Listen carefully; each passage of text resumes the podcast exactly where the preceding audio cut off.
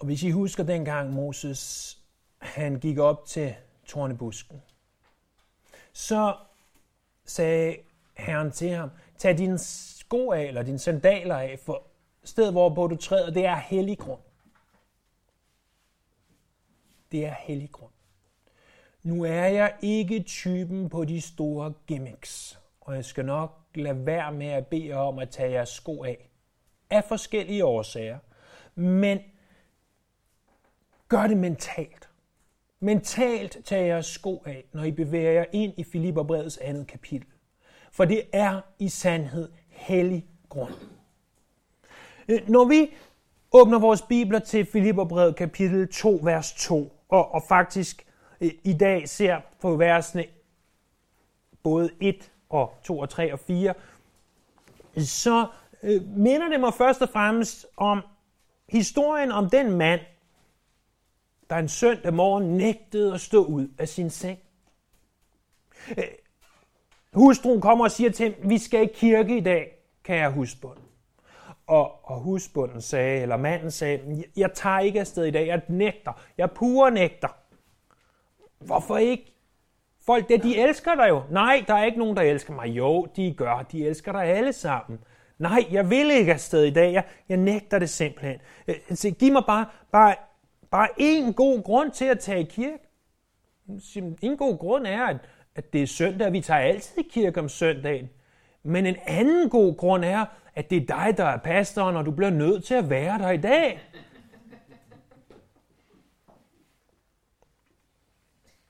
Desværre er der rigtig mange pastorer,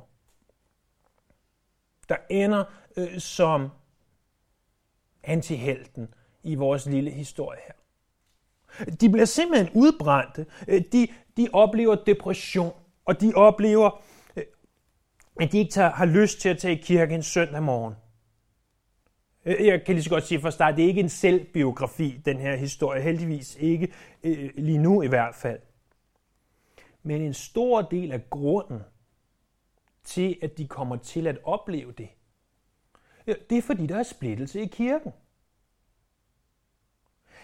Filippi, øh, en by i Makedonien, hvor menigheden befandt sig, det var en bibeltro menighed.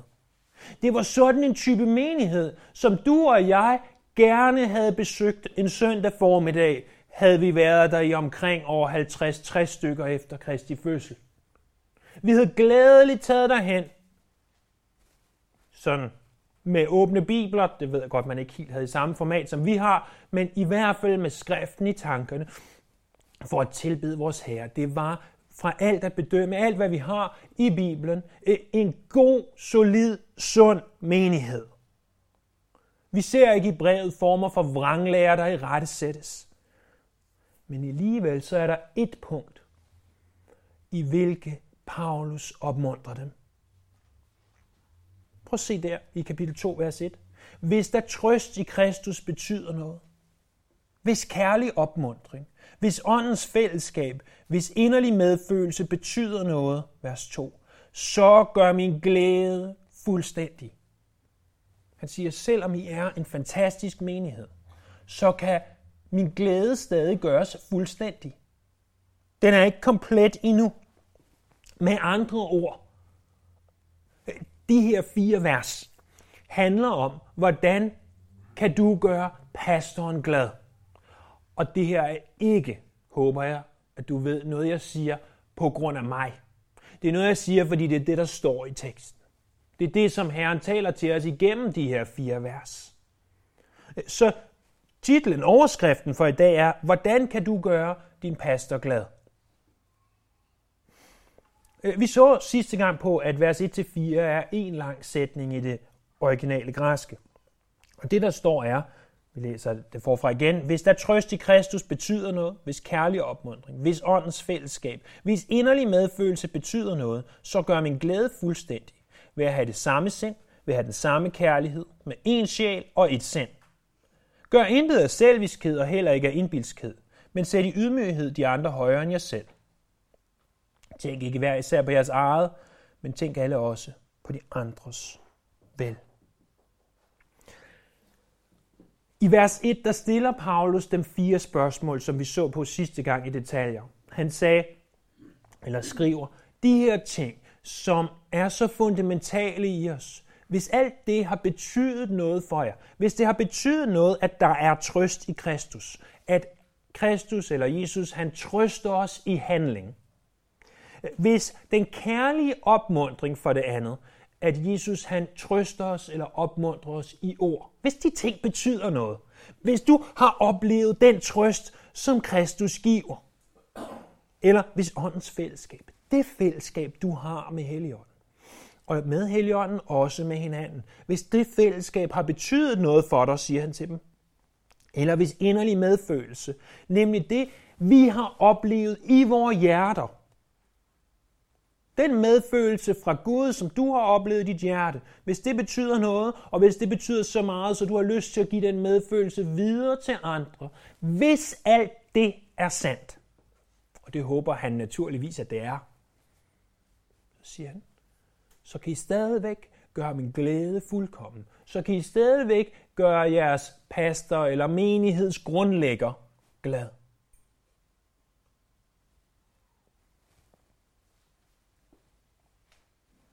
Det var ikke vranglærer, der var faren i Filippi, som sagt.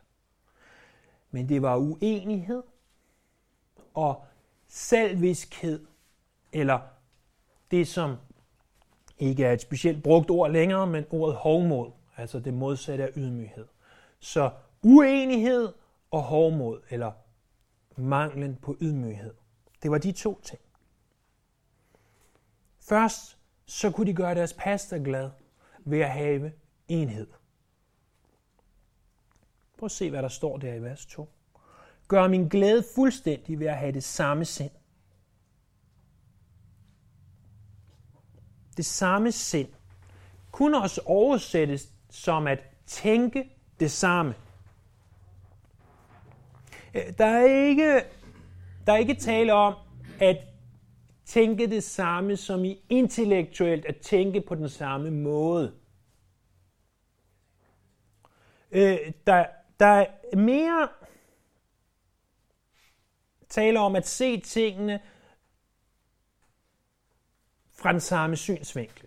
Se tingene på den samme måde. Se, øh, øh, anskue det på den samme måde i en bestemt situation.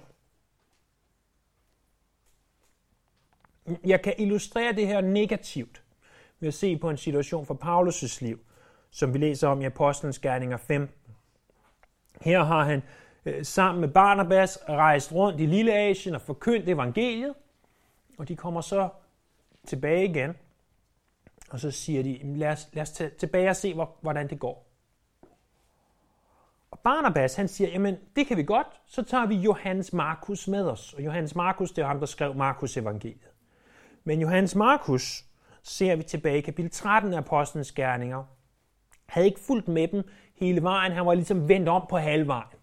Så Paulus siger, jeg vil ikke have sådan en, der vender om på halvvejen med på min rejse, på min missionsrejse.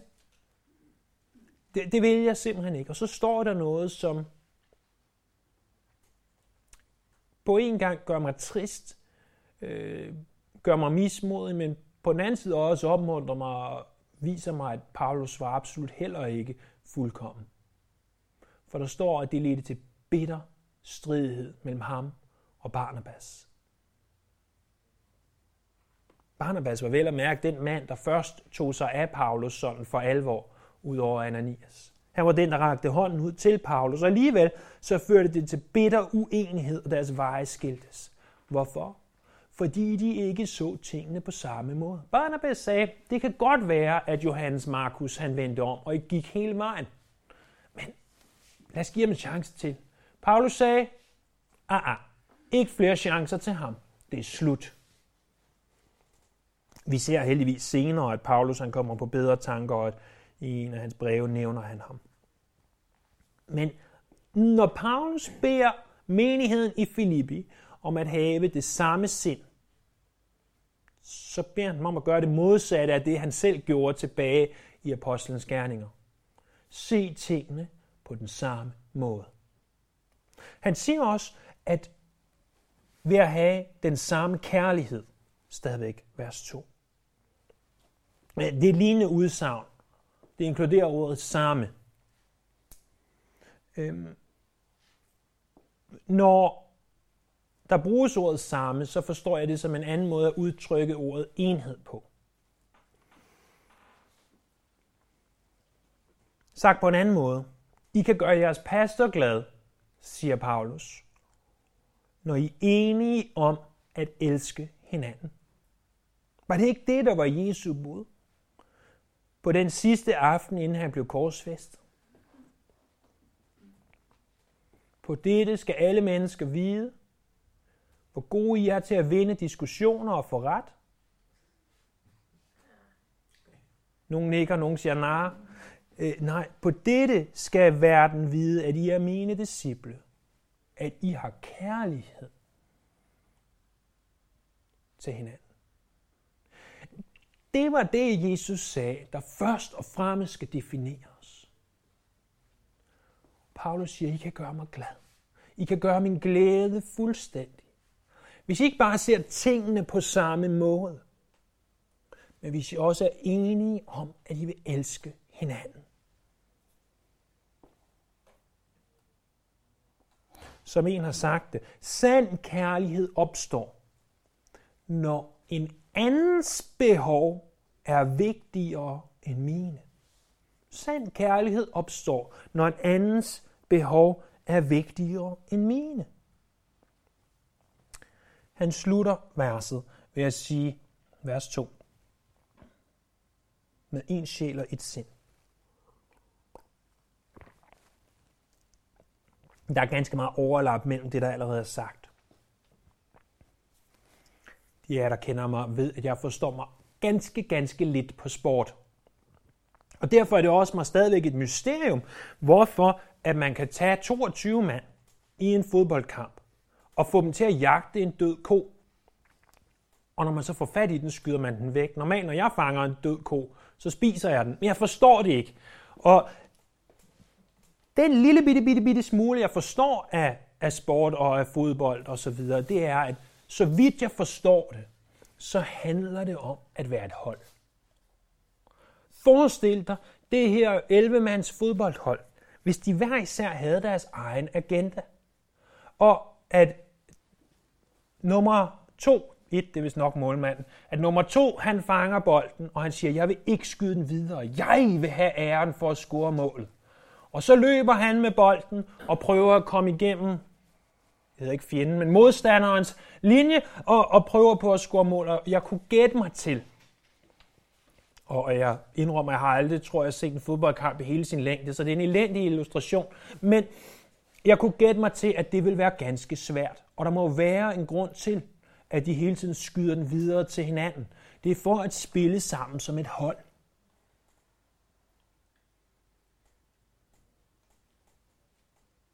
Hvis hver jagter sin egen ære, sin egen fremhævelse, så påvirker det holdet. Og uanset hvor fantastisk en menighed måtte være, uanset hvor sand deres lærer måtte være, hvor ortodox og retvisende og alt muligt andet deres lærer måtte være, så kan der altid indsnige sig uenighed. Og ikke bare gøre det pastoren Paulus ked af det, eller mig ked af det. Det gør Jesus ked af det.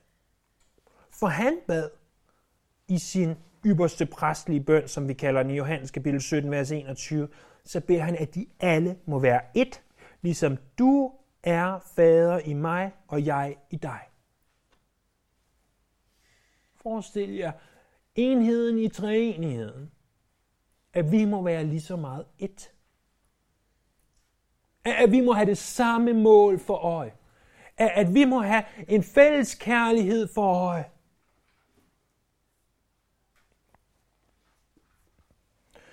Der er en salme, der taler ganske meget om det her. Det er salme 133. Prøv en gang at finde.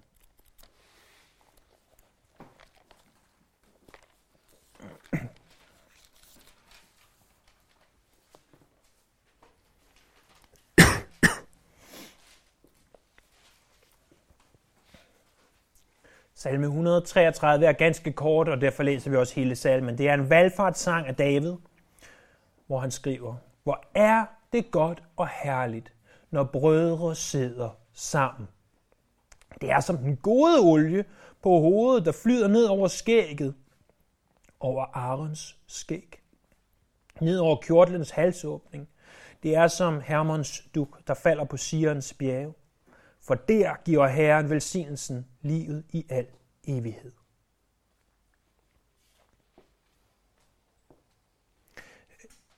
I, I vers 1 står der, hvor er det godt og herligt, når brødre de sidder, eller det hebraiske ord for sidder er også ordet for at leve, når de lever, lever sammen.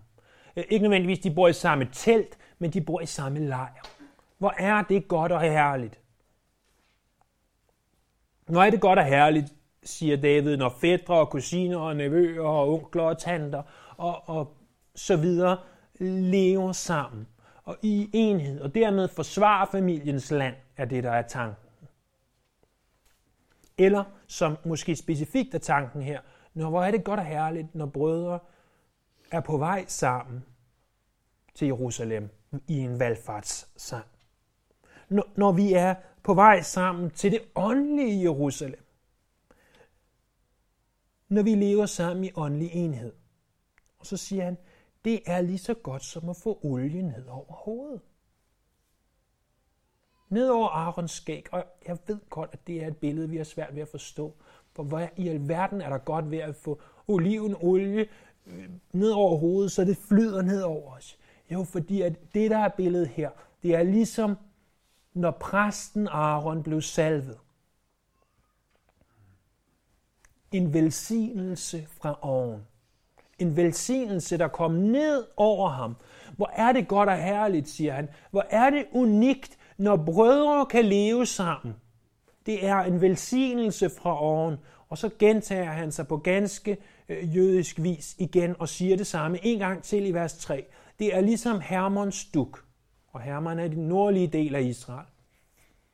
Der falder på Sions bjerge, nede hvor Jerusalem er nede sådan midt i eller sydpå, om du vil. Det er ligesom de store, fede regndråber, der falder nordpå, hvor der er grønt. Det er ligesom hvis de falder der, hvor der er mere tørt nede på Sions bjerge. Det vil være en velsignelse fra oven.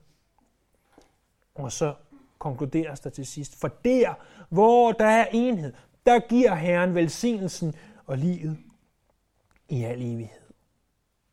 Enhed i Kristus som menighed er en kæmpe velsignelse fra Gud. Og der er ingen tvivl om, at enhed i menigheden ville have gjort pastoren Paulus glad. Den anden og sidste ting, vi skal se på, det er noget andet, der kunne gøre ham glad, nemlig vores ydmyghed. Prøv at se der i vers 3. Gør intet af selviskhed, og heller ikke af indbilskhed, men sæt i ydmyghed de andre højere end jer selv. Tænk ikke hver især på jeres eget, men tænk alle også på de andres vel. Det er naturligvis Filipper kapitel 2.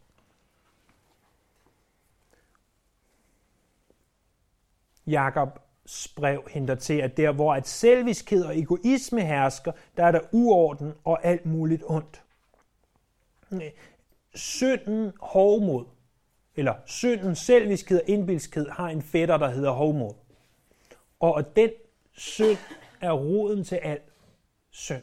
Det var den synd, som Satan begik. Det var den synd, han ledte Adam og Eva til. Og som en har sagt, så er hovmod og selviskhed helvedes forport og forbandelse.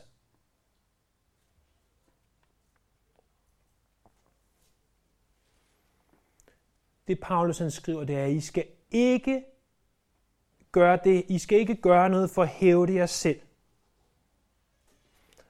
Fordi når du hævder dig selv, så nedgør du andre. Tænk tilbage på, på fire mand, der sidder rundt om et pokerbord og spiller der i gamle dage, hvor de spillede om kone og hus og børn og alt muligt andet og, og penge i særdeleshed. Og hvis den ene vandt, så var det ganske meget på bekostning af de andre. Hvis du hævder dig selv, siger han til menigheden i Filippi, så nedgør du de andre.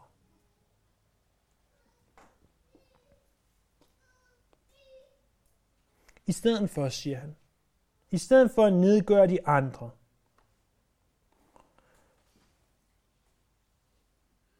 så skal du sørge for, at din herre kan blive fremhævet. Det er det, som Jesus siger, at når vi gør gode gerninger, så er det ikke for, at folk skal se os, men for, at folk skal se vores Herre i himlen. Næste gang, når vi kommer til vers 5 til 11 og begynder at se på de vers, øh, så skal vi se, at Jesus er vores ultimative eksempel på at leve i ydmyghed. Og Paulus siger, men sæt i ydmyghed de andre højere end jer selv. Ydmygheden er på mange måder roden til selve det kristne liv. Fordi det er nemlig, når du og jeg begynder at leve ydmyge liv, at der bliver plads til Gud. Jo mindre er os, jo mere er ham. Det giver egentlig ganske logisk mening. Det er ikke noget, der kan ske ved os selv, men det er noget, der kan ske ved, at Guds ånd arbejder igennem os. Men det bedste bevis på, at vi er ydmyge over for Gud, er, at vi viser ydmyghed i forhold til andre mennesker. Og det betyder, at du sætter andre mennesker før dig selv. Og at ingen opgave er for lille eller for ubetydelig for dig.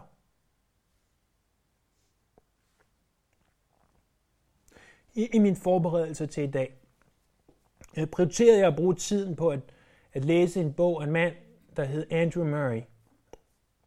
Bogen havde titlen Engelsk bog på engelsk Humility, oversat til dansk Ydmyghed. Hvordan man kan være ydmyg nok til at skrive en bog, der hedder Ydmyghed, det er mig en gåde. Men bogen var god. Og, og den er ikke ret lang. Øh, en, en lille, let jeg ved ikke, om den er, jeg vil sige, den er let læst, men en lille bog, relativt hurtigt læst, lang tid at absorbere. Og jeg sidder der og læser og læser og læser og understreger og skriver noter til, ej, det er godt det, og de ting, jeg lige har sagt, er noget, jeg har tyvstjålet fra ham. Øh, øh, det, det var en virkelig god bog. Og når jeg læser sådan noget, så prøver jeg at tænke på, åh oh, Gud, kan du ikke vise mig, hvordan, hvordan lever jeg et ydmygt liv? Og den tanke og den bøn skal du aldrig bede. Lad være med at bede den bøn, det er, det er en advarsel, det her, fordi at Gud han viser dig det. Og det er ganske ubehageligt. Det var så ved at være, det var ved at være frokosttid, det var i torsdags alt det her skete. Og, og jeg tænkte, okay, jeg er alene hjemme, og det er længe siden, jeg har været alene hjemme, og jeg havde tænkt, jeg skal have noget ordentligt at spise, så jeg kører ned og køber en eller anden sandwich, og så på vej tilbage kommer jeg i tanke om, at der ligger en bager på vejen tilbage. Så jeg tænker, jeg skal ind og se og spørge hos bæren, om de har en sund romkugle. Det havde de ikke. De havde kun den usunde, så den købte jeg i stedet for. Men i det, jeg parkerer bilen, så kommer der en mand og parkerer bilen, og jeg kan se på ham, at den her mand må være verdens langsomste mand. Jeg er sikker på, at jeg så en snegl overhale den stakkels mand. I det han stiger ud af sin bil og ganske sagte begynder at gå hen imod bageren. Og jeg tænker, jeg skal nå det før ham. Jeg skal have min romkugle, før han kommer til at stå og spekulere over, hvad han skal have i bagerbutikken. Jeg kommer ind, og der står en eller anden mand foran mig i køen, og i min ellers så fordømmende liv, som jeg har, tænker ham der foran mig, sikke en et eller andet forfærdeligt, tænker jeg i mine forfærdelige tanker. Og jeg tænker, jeg skal have min romkugle og skynde mig at købe den, inden ham her, øh, sneglen, han kommer ind. Og så ham her, der står foran mig, som jeg også i mine mærkelige tanker havde fordømt. Så går han hen, holder døren for den gamle mand.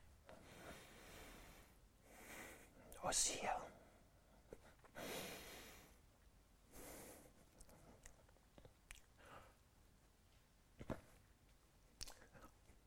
du først. Gå du først. Undskyld.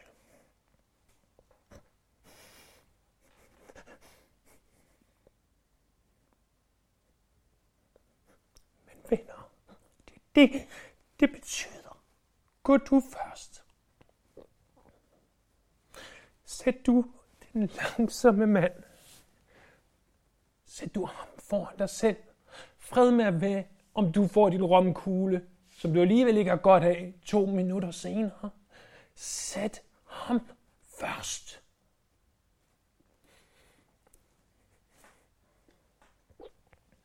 Det blev ganske klart for mig. Hvad det vil sige at ydmyge sig. For det vil sige at sætte andre først. Og venner, hvor har vi let ved at glemme det? Hvor har vi let ved at glemme at sætte andre før os selv? Det handler altid om mig, og mine, og mit. Det handler så sjældent om de andres og deres. Om deres behov. Og når jeg så tog den her begivenhed, og jeg med vilje ikke engang har delt den med Lisa før nu, og tænker over den og siger, hvordan kan jeg sætte andre først?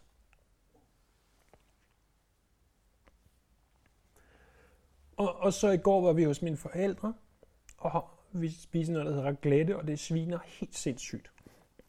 Jeg drømmer ikke om, hvor meget det sviner. Og, og den stod i blød natten over, den her glænde, og, og jeg stopper i morges og tænker, okay, jeg ved, det er min mor, der altid vasker den her op. Nu vil jeg gøre det for hende. Og jeg vasker op, og så kommer Lisa og siger, hold da op, som i, at det har du aldrig gjort før. Og igen slog det mig. Det er derfor, man har en hustru, det er for at blive ydmyg. Nej, igen slog det mig. Hvilken manglende ydmyghed. Hvilken manglende ydmyghed. Når hun kan sige, men nå, hvordan kan det være, at du pludselig gør det? Fordi jeg ved godt, at, at det hun mente var, at det er noget, du sjældent gør.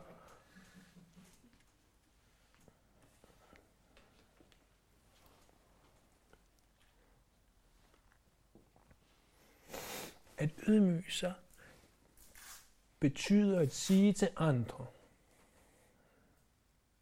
du må godt gå foran mig i køen. Det betyder at sige til de mennesker, der er sværere stillet end os, det gør ikke noget, at jeg ikke klarer tingene på lige så hurtigt, som jeg troede. Jeg er ikke lige så vigtig, som jeg selv går og tror. Og det er først, når vi begynder at acceptere det, og stol på mig, jeg kunne aldrig have skrevet bogen med titlen Ydmyghed. Det ved jeg godt. Og jeg har langt fra accepteret det. Men jeg håber, at du ligesom jeg kan begynde at se, hvad det vil sige at sætte andre mennesker først, og ikke bare se det, men at gøre det.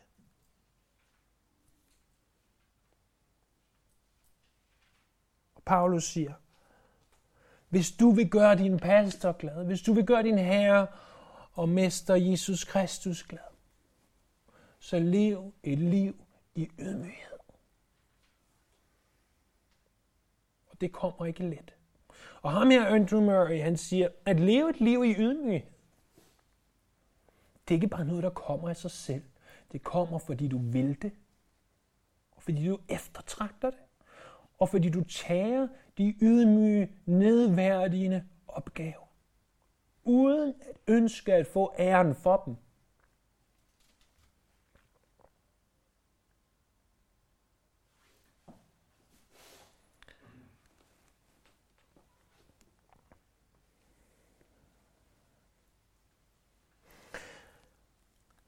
Hvordan gør du din pastor glad? skriver han til menigheden i Filippi. Skriver, det gør du. Når du ønsker enhed imellem dig og dine brødre og søstre. Når I har det samme mål for øje. Og for det andet, det gør du, når du i ydmyghed sætter andre før dig selv. Hvorfor? Fordi at når der er enhed, når der er ydmyghed, er det langt, langt nemmere at arbejde sammen som menighed. Det er langt, langt nemmere at forme og at vokse og at blive ligesom ham, vi alle trakter øh, efter at være, stræber efter at være, nemlig vores Herre og Frelser Jesus Kristus. Jeg håber, at, at du ved, at det her handler på ingen tilnærmelsesvis moder mig. Og, og jeg ved ikke, om jeg vil sige undskyld, fordi jeg græd. Fordi det er ikke noget, man selv kan gøre for. Det er ikke noget, der er, der er øh, det, det var på ingen måde planlagt, lad os sige det på den måde. Det handler ikke om mig, det her. Det handler om, om os. Om dem, som ønsker at være Jesu Kristi efterfølger. Om de ønsker at leve i enhed med andre kristne. Om de ønsker at leve et liv i ydmyghed. Og det er et spørgsmål til hver af os i dag. Det er et spørgsmål, som jeg håber ved på sin vis nage dig. Borer sig ind i dig. Til du kommer til den beslutning og sige, det er det, det er det, jeg ønsker. Det er det, jeg ønsker. Lad os bede.